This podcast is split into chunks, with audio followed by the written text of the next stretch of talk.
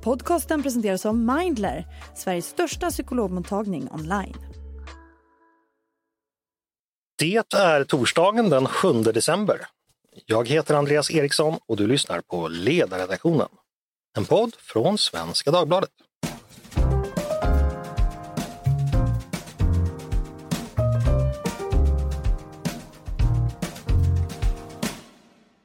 Varmt välkomna till oss. När Ryssland inledde sin fullskaliga invasion av Ukraina förra året innebar det samtidigt en flyktingkris. Hittills har ungefär 6 miljoner människor flytt från Ukraina, vilket innebär att Ukraina nu är ett av de länder i världen där högst andel av befolkningen är på flykt. Av dessa har drygt 50 000 kommit till Sverige och då har de allra flesta fått uppehållstillstånd här enligt något som heter massflyktsdirektivet.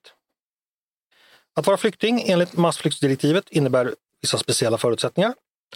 Och hela tiden sedan den fullskaliga invasionen inleddes har vi hört många påpeka och varna för att ukrainska flyktingar i Sverige har det tufft. Det finns flera skäl till det. Ett är ekonomin. Dagsersättningen för flyktingar är 71 kronor för en vuxen, mellan 37 och 50 kronor för barn beroende på ålder. Och det är inte alla som har jobb eller är sysselsatta. Avsaknaden av personnummer skapar vidare problem för att komma in i det svenska samhället som ju präglas av ganska stor byråkrati, digital sådan. Exempelvis kan man inte få bank-id. Och inte heller har flyktingar tillgång till all vård och försäkringsskydd som vi andra har. Allt det här har ni säkert hört talas om och det tänkte jag vi skulle prata närmare om idag. Hur är läget för ukrainska flyktingar i Sverige och vad kan och bör göras för att förbättra deras situation? Och då kommer samtalet delvis att eh, hållas på engelska så att alla hänger med. Och därför byter vi nu språk. And I'll start with introducing my guest for today. I got uh, Sven Bergland, who's working for the cause of Ukrainian refugees in Sweden. The ones of you that visited Måndagsrörelsens rally the other day heard him make a speech then. Uh, welcome, Sven. Thank you, Andreas. It's a pleasure to be here.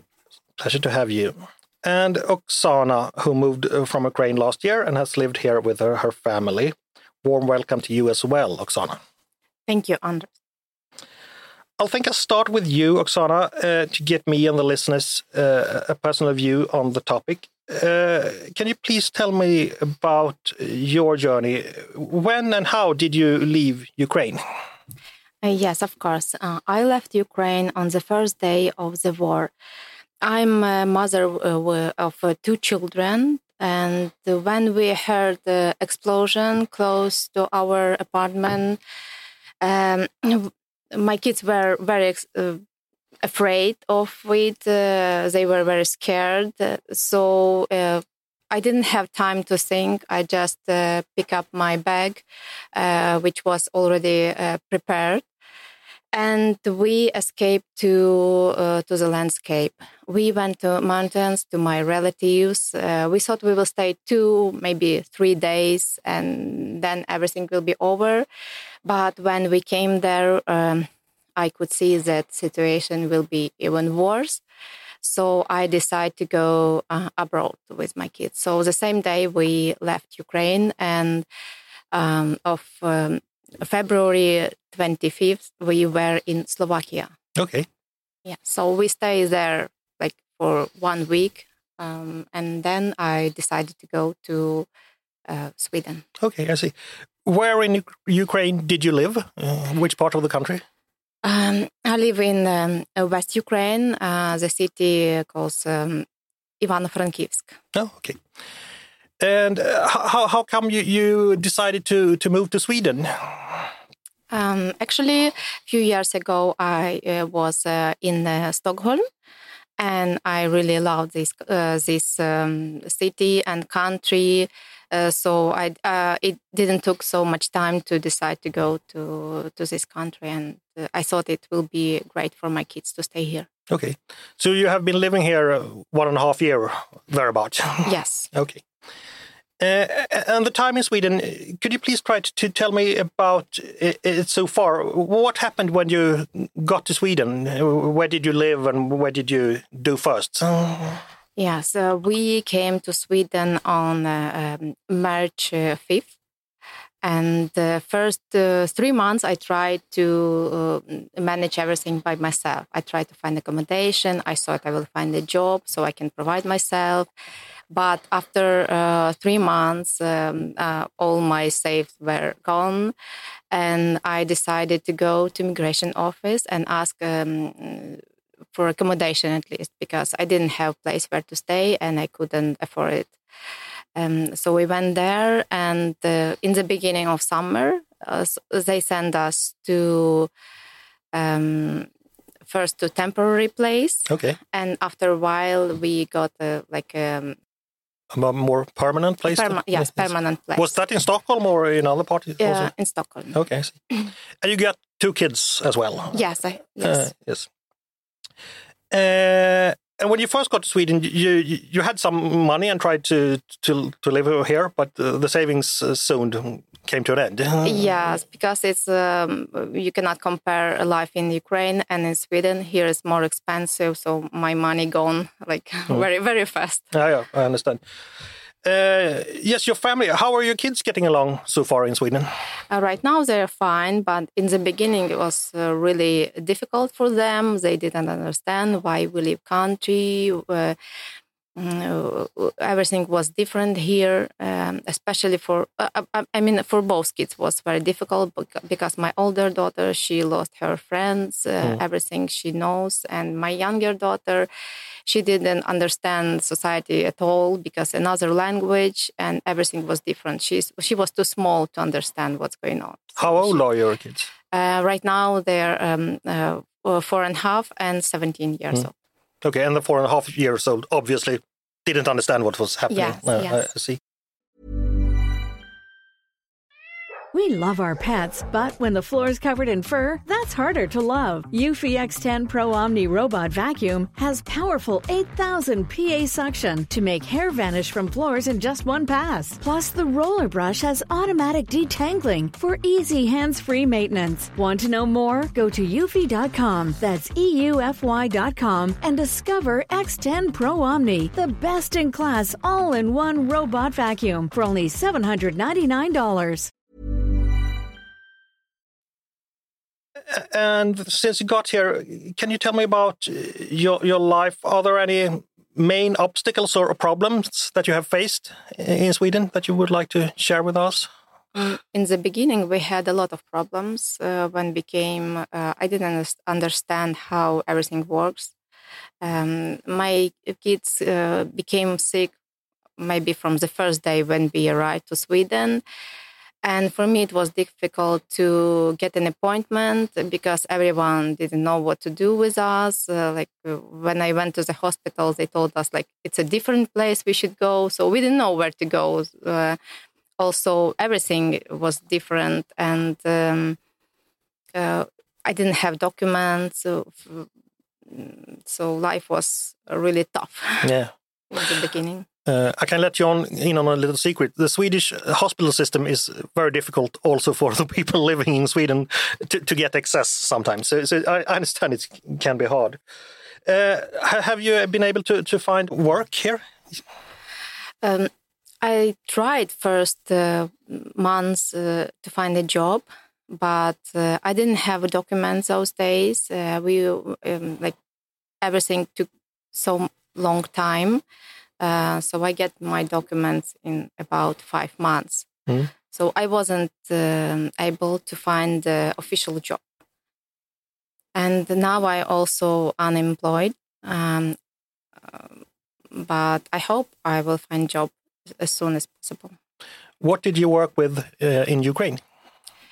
I work like a sales manager uh, with a dental equipment um, for a few years. I see. Uh, yes. Uh, do you still have uh, any family left in Ukraine? Uh, parents or siblings or so? Yes, I have uh, my parents there and my uh, sister.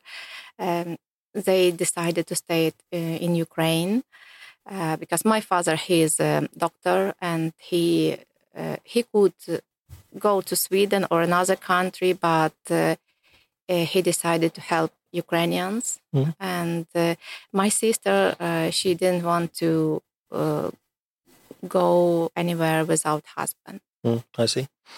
Okay. Uh, and since, since you has, haven't been able to find work uh, yet, how's the economical situation for you and your family? Are, are you how are you getting along? Uh, we have some support uh, from uh, government.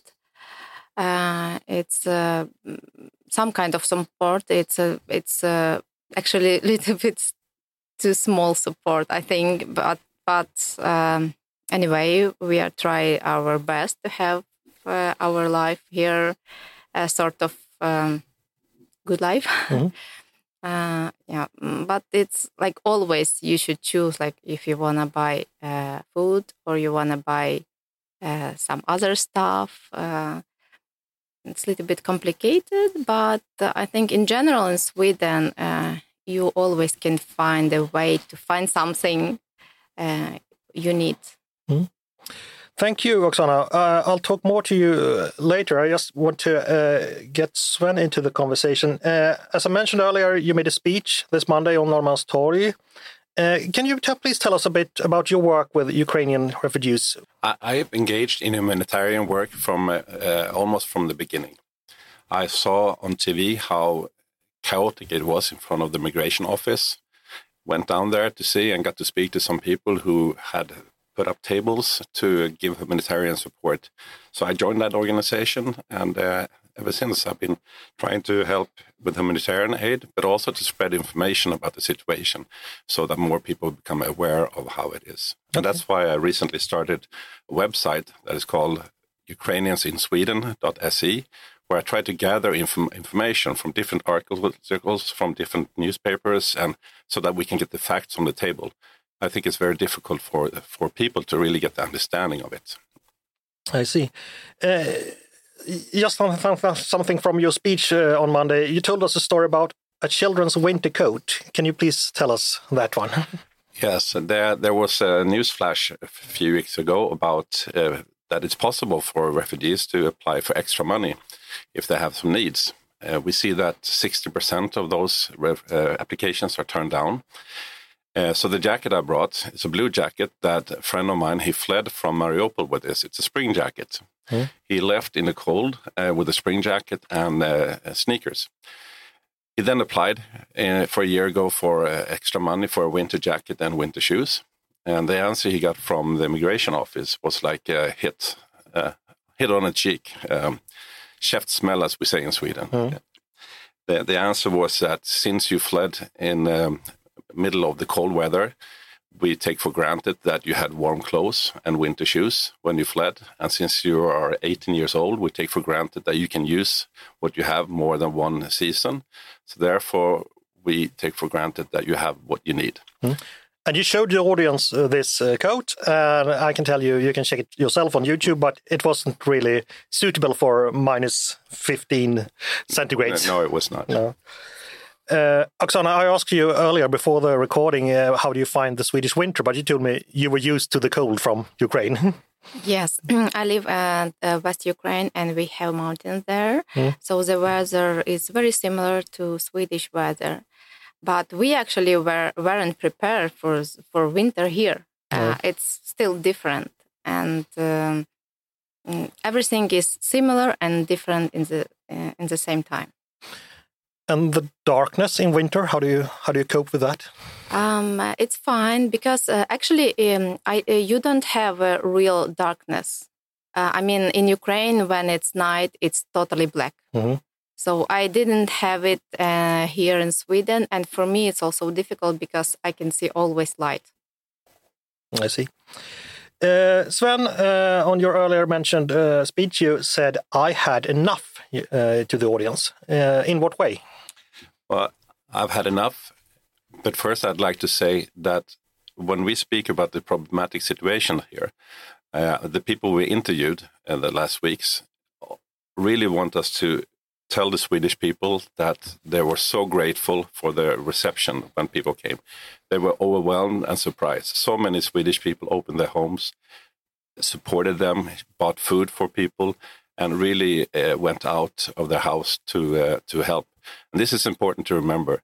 So when we talk about the problematic situations here now, that I will do, it's um, it's not the Swedish people and the people were really, really helping a lot. It's the problems are, are occurring with the financial support and the bureaucracy. Okay, we'll bear that in mind. Yes, and uh, the, the um, well, I have had enough because nothing we speak about here today was unknown a year ago. Our immigration uh, minister, she said that we're not going to do any take any measures for the next year when the when the this uh, when when we have prolonged the opportunity for the refugees to stay here. And when we see that what we know today is nothing else that we knew a year ago, it makes me very sad because there it should be pretty unpolitical to see that the people should not starve. So we know that it takes time to change things, but people are actually starving. People don't have enough money to buy food, and we were supposed to give protection to them, and this does not cope to, uh, fit good together. Mm.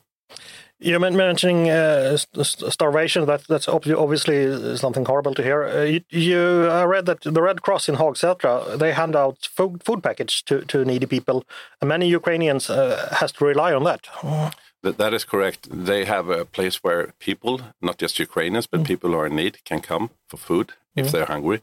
And they report that hundreds of Ukrainians line up there every day when they open to get a food uh, bag, grocery bag and they can get two bags of these every month. So people travel from all over the region to come here to get these.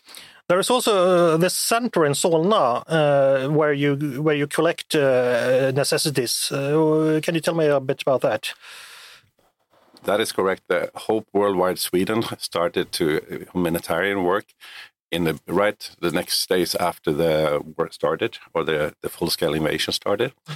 And this center is now in Solna Business Park. People can donate things there, and then uh, Hope Worldwide Sweden they have a uh, like a free shop, so people can come there and they get everything that people donate. It's open on Sundays uh, for donations. And what, what kind of things are they looking for? It's uh, clothes, shoes, uh, diapers, and women things that, that people need hy- hygiene products. Of course, there sometimes we get other requests as well, but these are our main focuses when it comes to give. And then we also have social activities and language training, uh, uh, language cafes uh, here. I see. Uh, back to you, Oksana. Uh, your kids are they are they in school now? Yes, my younger uh, daughter she's uh, at the kindergarten, and my older daughter she's uh, at the gymnasium. Okay, and have they uh, fitted in? Do they are they okay with that? Yes, yes. Now um, I think they're fine. Mm. Have they started to learn any Swedish? Um, yes, of course. Uh, my older daughter she's uh, at this like special gymnasium mm. to study Swedish uh, and my younger daughter, she pick up uh, words very quickly. Yes, uh, as young kids do. Uh, has anything, you told me that it was uh, different but alike in Sweden. Has anything surprised you with Sweden that you didn't expect it or knew earlier? Yes, of course. Um, when I arrived to Sweden, I was surprised that so many Swedish people open their houses. Uh, they help Ukrainians with uh, uh, food, with uh, clothes, with accommodation, with everything. They were so um, supportive, and uh, it, it, really um, surprised me. Hmm. Okay, so that's a, a positive thing then. Any negative surprises or things that you discovered? Um, actually, just bureaucracy. That's all. What what makes me upset. okay. In in what way? What what what kind of problem can you face? Um, everything takes a long time, and you have a queues everywhere. Like you have to wait and wait and wait. It's not not like in Ukraine. You can do everything very fast. You can go to the doctor straight ahead. Mm. But here you have a you you have to book a time, and maybe you have to wait one month. Sometimes quicker. If you're lucky, in one week you can get appointment like this. I see. Uh, yes, Sven? Yes, uh, we talked about this problem with the bank ID, and people yeah. think, just imagine living outside the digital society today. And just a small practical problem. Uh, Oksana cannot log, log, into the system to follow her children in school and uh, in uh, förskolan and kindergarten to see what's happening, just like every Swede does to follow what's happening. Uh, cannot log into any system, which means that you're outside the digital communication between every, everyone. So it's not just to make a bank ID to, when you go to the bank or for financial tra transaction. It's for everyday life that you stand outside without this bank ID. Yes, uh, please, Oksana, can you share some experience of that? Living outside side today's digital infrastructure, what consequences does it mean? Uh, yes, for me it's a little bit um, difficult because uh, I cannot see what's going on in kindergarten and at, uh, also at gymnasium with my kids. Um, if um, uh, I always have to ask teachers what what will happen next week and what uh, my uh, like how is going in kindergarten at school. Mm, also, we are not actually register at vårdcentral. Um, we are. It's like no one cares about us actually, and so it's a little bit complicated. But why is it that you can't get a bank ID? Uh, do you know that, or do Sven know? What's the problem here? Um, I think we we don't have person numbers. That's oh. why. So, uh, and the personal number is like the key, key to the Swedish society. If you uh, don't get it, uh, yes, we don't have it. Uh, uh, and why don't the refugees get some kind of personal number? Do we know that? Well, I think I'm not the right person to answer that. Uh, I'm one of those who are trying to raise awareness of this, and we need to ask the government and the migration minister about why it takes so long time to to get the people included. They're living in a parallel society right now. Mm. Yes. Uh, can you, Oksana, please tell us more about uh, contact with the Swedish authorities? Uh, you mentioned there's a lot of big bureaucracy. For example, Migrationsverket, the Migration Office. Uh, how has you, your experience with them been? Uh, first time when we came there, we were uh, outside uh, from 6 a.m. Uh, we waited until um, 11, I think, a.m. until we could uh, go inside. Mm. Uh, it was the first time when we supposed to register, and it took like whole day. We went out in the uh, middle of the night. Mm, then everything was done, but it only one time it was really uh, difficult. But uh, something what is really great that uh, we met a lot of people who support us. Uh, people were outside volunteers. They uh, serve us some food, uh, some clothes, some uh, toys for kids, and so it was really um, um, helpful. Mm. And um, other time, everything was fine. Of course, sometimes it it took time uh, to to get an appointment or to I, I waited in a queue for a long time but now i think everything is much easier. Okay. Millions of people have lost weight with personalized plans from noom like evan who can't stand salads and still lost 50 pounds. Salads generally for most people are the easy button right for me, that wasn't an option. I never really was a salad guy. That's just not who I am. But Noom worked for me. Get your personalized plan today at Noom.com. Real Noom user compensated to provide their story. In four weeks, the typical Noom user can expect to lose one to two pounds per week. Individual results may vary. And living without this bank ID, it means you can you open a bank account, for example, or can you get a mobile phone, uh, or how, does the, those things work? Uh, yes, uh, Ukrainians can open bank account, but only if you have a job uh, or you have some uh, other incomes. Um, so you, uh, if you have a reason to open bank account, then you, you, you can do it. But we don't have a, like a Swish Mm. Um, it's not um, available for us. How do you get your money the, from the government paid out? Uh, we have a like a special card. Okay, so you get like a cash card for, for that. Yes, and mm. we can use only in the shops. Like we cannot transfer money mm. or something else. I see. Sven, you mentioned on Norrmalmstorg that the situation in Sweden is worse uh, when it comes to Ukrainian refugees compared to other Nordic countries. Uh, can you tell me a bit about that? How is the situation in Denmark, Norway, Finland, so on?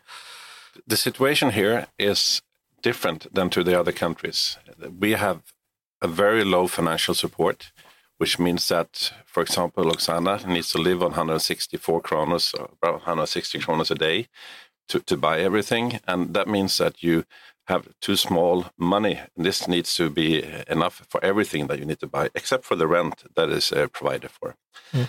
And uh, in other countries, they have a little different look at it. They're trying more to integrate uh, the the refugees into job initiatives, schooling, to become uh, to get jobs, and uh, the government is supporting that. Here we see a lot of in initiatives for, for, this, but it's private organizations and humanitarian organizations. Some started by the Ukrainians themselves, and some other by by other initiatives that is doing what actually the government should be doing. Mm. Okay. Uh, and Oksana, you are you are found an uh, apartment not, you, right now. You're not living with the Migrationsverket anymore. Mm, we got uh, an apartment uh, from commune. Okay. Uh, and you're living here in Stockholm. Yes. Yes.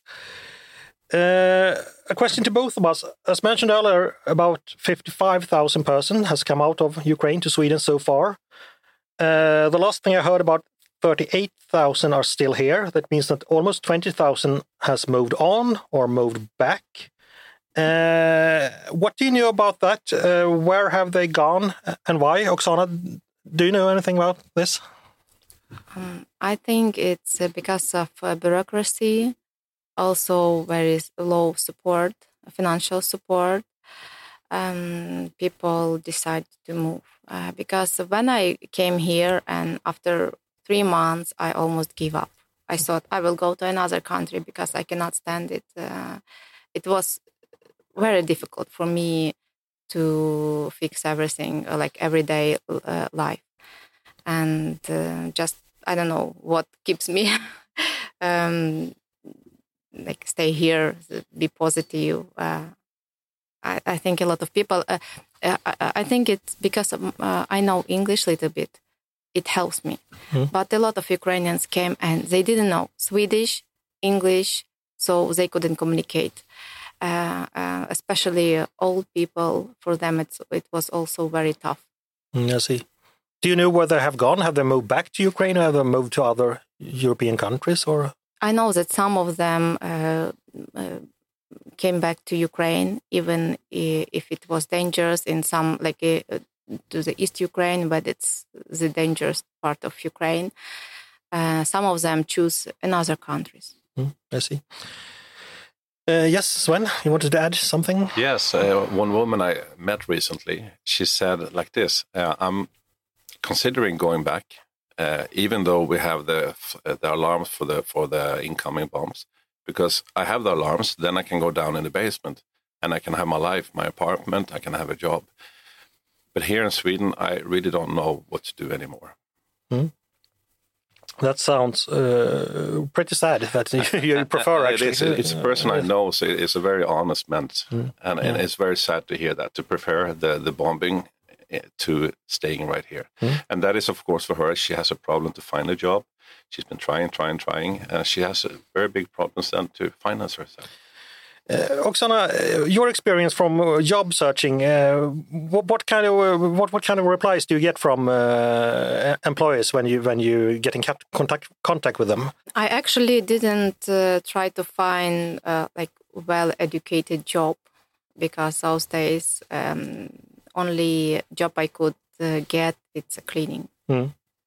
Okay. So and it was a hard work and low. Um, payment. Pay, yes. Uh, and it wasn't suitable for me. Uh, I uh, I'm single mom, and for me to provide kids with so low salary was um, unacceptable. Mm. And we have to remember here: as soon as you get a contract or a job, the financial support from from the government is taken away, and you have to start to pay your own rent. Mm.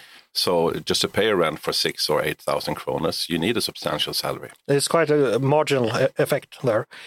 Uh, yes, uh, just to get the financial situation clear, uh, uh, if you're living here as a Ukrainian refugee, you get financial support of was it 100 and how much was it? Do you get every day? Uh, every day, like 150 54. 54. per. And that should cover for everything except Yes, rent. yes. So food and clothes and everything. Yes, and stuff. Mm. Yes. Uh, yes. For the whole family. for the whole family. And you can take 150 crowns times 30 days a month and you get extremely low. Uh, that is well below the uh, uh, existence minimum in, in Swedish. Uh, Yeah, yes, it is, and, and this is one of the problems because when we leave a group of people with such low financial support, we're actually leaving them to not having options. Some people need to find money other ways. and perhaps we should uh, just a reminder for the, for the listeners uh, that our, government has promised to that migrants, uh, immigrants to Sweden, we should have a policy that is uh, the minimum of EU standard, and they are quite proud of that. So something to think about. Well, This- minimum of EU standard means that we're actually starving people right now. Yeah. That's why they, and that's not what we're supposed to do. That's my that- point. It's, yeah, it's, yeah, I it's- know. this is a reality. I know, and and it's women, it's women with young children who are suffering the most. Yes. that, that uh, out of this. So uh, we are soon going to wrap things up. Uh, Oksana, are there any other things in your situation that you would like to share with us uh, that is important for the listeners to, to, to understand? Yes, uh, I would like to tell to everyone uh, that um, I uh, really miss uh, the feeling of uh, belonging to society. Uh, I live in a country I can see and um, all culture and uh, mm, tradi- traditions uh, I, I can see only from uh, social media. I can read only about it, but I never involved. So I cannot feel how to be Swedish, have to live here. I, I can see all cele- celebration, but I'm not part of it. Mm. Uh, So I would like to be um, a part of society. Uh, most of Ukrainians. Mm. I'm sad to say, but I think that is a very common experience for foreigners living in Sweden because we are a society that is not very open. Unfortunately, uh, uh, uh, I'm just sorry to say it, but what it's it's hard sometimes.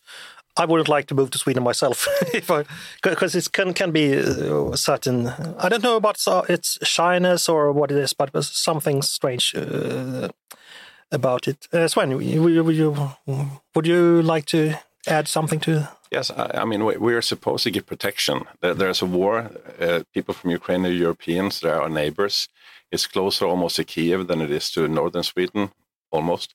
So we're supposed to help and support uh, them. And we, I think, Sweden is going to get a very bad conscience in the aftermath of this. We're going to look back on this period, and we politi- politicians and people deciding in our people, we're going to look back and say, we did something wrong here, terribly wrong. Uh, we did not do what we could.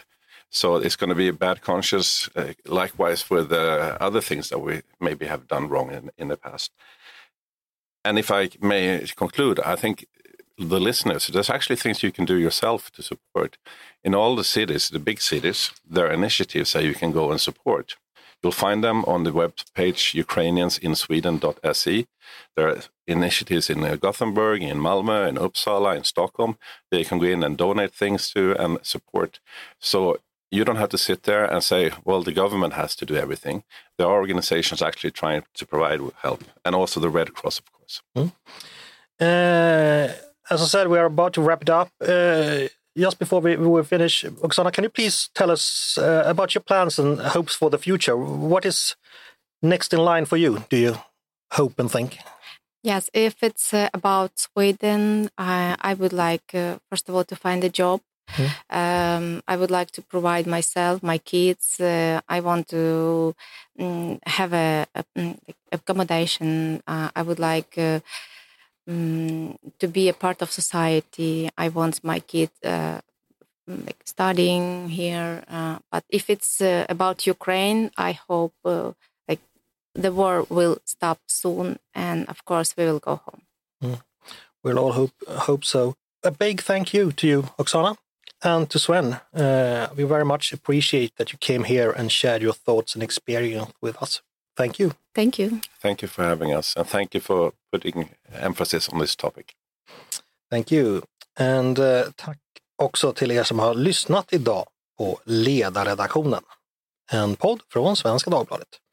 Hoppas ni tyckte dagens ämne var intressant och att det gick bra att hänga med trots min något taffliga engelska.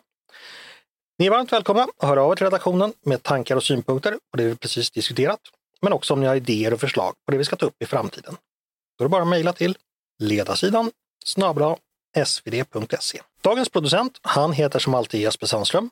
Jag heter Andreas Eriksson och jag hoppas att vi hörs snart igen.